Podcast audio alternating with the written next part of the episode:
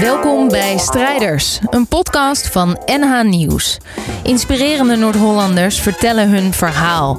Ze vertellen over hun successen, hun dromen en over de tegenslagen die ze op hun pad tegenkomen. Vandaag hoor je het verhaal van Mike.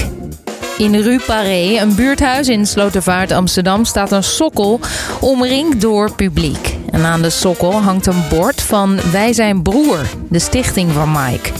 Broer staat voor bereidwillig, respectvol, open, eerlijk en realistisch. En hij heeft zijn eerste en enige certificaat meegenomen. Luister maar naar Mike.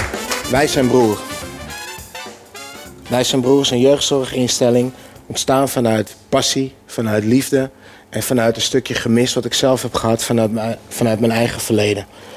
Um, ik ben een man van 35 nu vandaag de dag. En uh, de afgelopen drie jaar heb ik me hard gemaakt om een jeugdzorginstelling op te richten die misschien anders is als in ieder geval wat ik zelf heb ervaren in mijn leven. Uh, waar ik zelf heel erg tegenaan ben gelopen in mijn leven en vooral in mijn leven in de zorg met het wangedrag wat ik heb vertoond, was continu tekort aan verbinding. Continu, ik voelde me continu niet begrepen. Ik voelde me anders dan, dan de hulpverlener. Ik voelde me anders dan, dan de rest van de wereld misschien wel. En doordat ik me zo anders voelde dan de rest van de wereld, ging ik daar alleen maar tegen strijden. En doordat ik daar zo tegen ben gaan strijden, kwam ik eigenlijk alleen nog maar dieper in de problemen. En doordat ik alleen maar dieper in de problemen kwam, werd het probleem eigenlijk alleen maar groter. En doordat het probleem eigenlijk alleen maar groter werd, had ik alleen nog maar meer zorg nodig. En dat ik alleen maar meer zorg nodig had, voelde ik me nog meer anders dan dat ik me eigenlijk al voelde. Uh, en dat resulteerde uiteindelijk in een jonge man van 22 jaar die geen zin meer had in het leven. Die dacht, waarvoor, waarvoor, de, waarvoor de F ben ik hier nog? Weet je, wat doe ik hier nog? Uiteindelijk ben ik daar zelf uitgekomen en is de passie ook ontstaan om, uh, om dat ook te kunnen betekenen voor, vooral voor de jeugd jongeren van 13 tot en met 21 jaar met gedragsproblemen, met psychische problemen en met problemen met verslavingen. We werken, werken met een team van ervaringsdeskundigen, psychologen, orthopedagogen, regiebehandelaars, psychiater. En samen met het team zetten we ons vanaf dag 1 eigenlijk in om de verbinding eerst te leggen met de jongeren. Voordat we gaan behandelen. Ik geloof namelijk in eerst verbinden en dan pas behandelen. Um, want zonder verbinding kan ik ook niet verwachten dat iemand zijn eerlijke verhaal tegen mij gaat vertellen. Echt kwetsbaar gaat zijn naar mij of naar een teamgenoot. Onze ervaringsdeskundige pakt eigenlijk de telefoon altijd op bij ons en die beantwoordt de eerste hulpvraag die vaak bij ouders verzorgers vandaan komt. En uh, die nodigt de jongeren en zijn ouders zo snel mogelijk uit om bij ons langs te komen. In een zo huiselijk mogelijke setting. Uh, op de bank, zeg ik altijd. En op de bank gaat eerst de ervaringsdeskundige zijn verhaal vertellen. Op basis van informatie wat wij hebben gekregen in het eerste telefoonmoment. En vanuit dat verhaal van die ervaringsdeskundige, case manager is dat dan bij ons... Um, zien we vaak dat er een stukje herkenning komt bij de jongeren. En een, en, een, en een, kleine glimlach of een twinkeling in de ogen. En meestal als dat gebeurt weten we ook... oké, de brug van herkenning is geslagen. De brug van verbinding die is daar. En vanuit daaruit kunnen we dan ook een jongere uitnodigen om ons een kans te geven om de samenwerking aan te gaan. Um, en als dat is gebeurd, nodigen we jongens zo snel mogelijk uit om bij ons een intake af te nemen. En dan de echte behandeling te starten.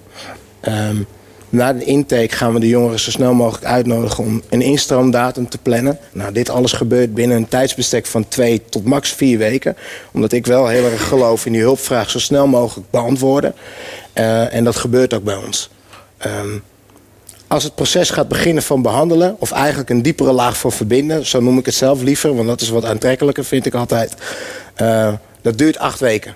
En die behandeling bestaat uit groepsessies... heel veel groepsactiviteiten... uit uh, um, um, uh, activiteiten op zich, sportactiviteiten, spelactiviteiten... en uit één-op-één gesprekken. En uh, jongeren komt binnenstromen in een bestaande groep bestaande groep van jongeren die eigenlijk al een tijdje meelopen bij ons. Dus die al verderop in die acht weken zijn. En een jongere wordt eigenlijk meegenomen in de stroming van leeftijdsgenootjes. Van andere jongeren die ook problemen hebben ervaren in hun leven. Jongeren die open delen over deze problemen en over hun, eigenlijk waar het probleem echt vandaan komt. Want het probleem volgens de maatschappij, de agressie, drugsgebruik, depressief in je bed blijven liggen, veelvuldig gamen, weglopen voor je problemen, dat is niet het probleemgedrag bij wij zijn broer. Dat is de oplossing voor iets wat daar eigenlijk voor ligt. En dat proberen we naar boven te halen. En dat gaat vaak over een gevoel van eenzaamheid. Anders voelen dan de rest van de wereld. onrechtvaardig behandeld worden of iets in die trant. Als we dat omhoog hebben gehaald, gaan we ouders daar ook bij betrekken. Die betrekken we heel actief in die hele acht weken. Om dat ook open en eerlijk op tafel te leggen. En om daar open en eerlijk over in gesprek te gaan. En dat is ook die O en die E van wij zijn broer. Open en eerlijk. En als we dat gedaan hebben, hebben we nog vier weken over van onze behandeling. En dat gaat eigenlijk over vertrouwen bouwen. Vertrouwen in zichzelf. Vertrouwen in het feit dat ze wel degelijk kwaliteit hebben. Dat ze ook een passie kunnen hebben. En dat ze ook iets kunnen bereiken in hun leven.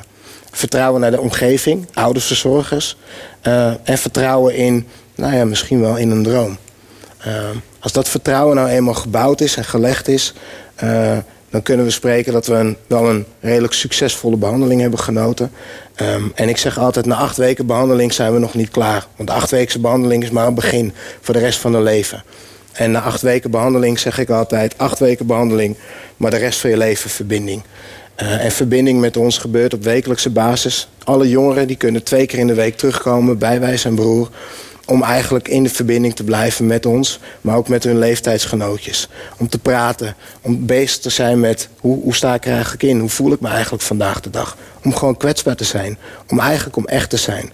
En ik ben van mening dat de maatschappij vandaag de dag niet helemaal gebouwd is om kwetsbaar en om echt te zijn. Want dat gaat over het algemeen over presteren, over goede cijfers halen, over de mooiste Instagram-foto en dergelijke zaken allemaal. Ik heb daar in mijn leven heel veel last van gehad. Voordat Instagram überhaupt bestond, moet ik eerlijk, eerlijk vertellen. Ehm, twaalf jaar geleden ben ik geholpen.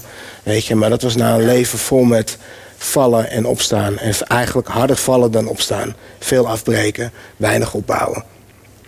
Een heel eenzaam leven, een heel leeg leven achteraf gezien.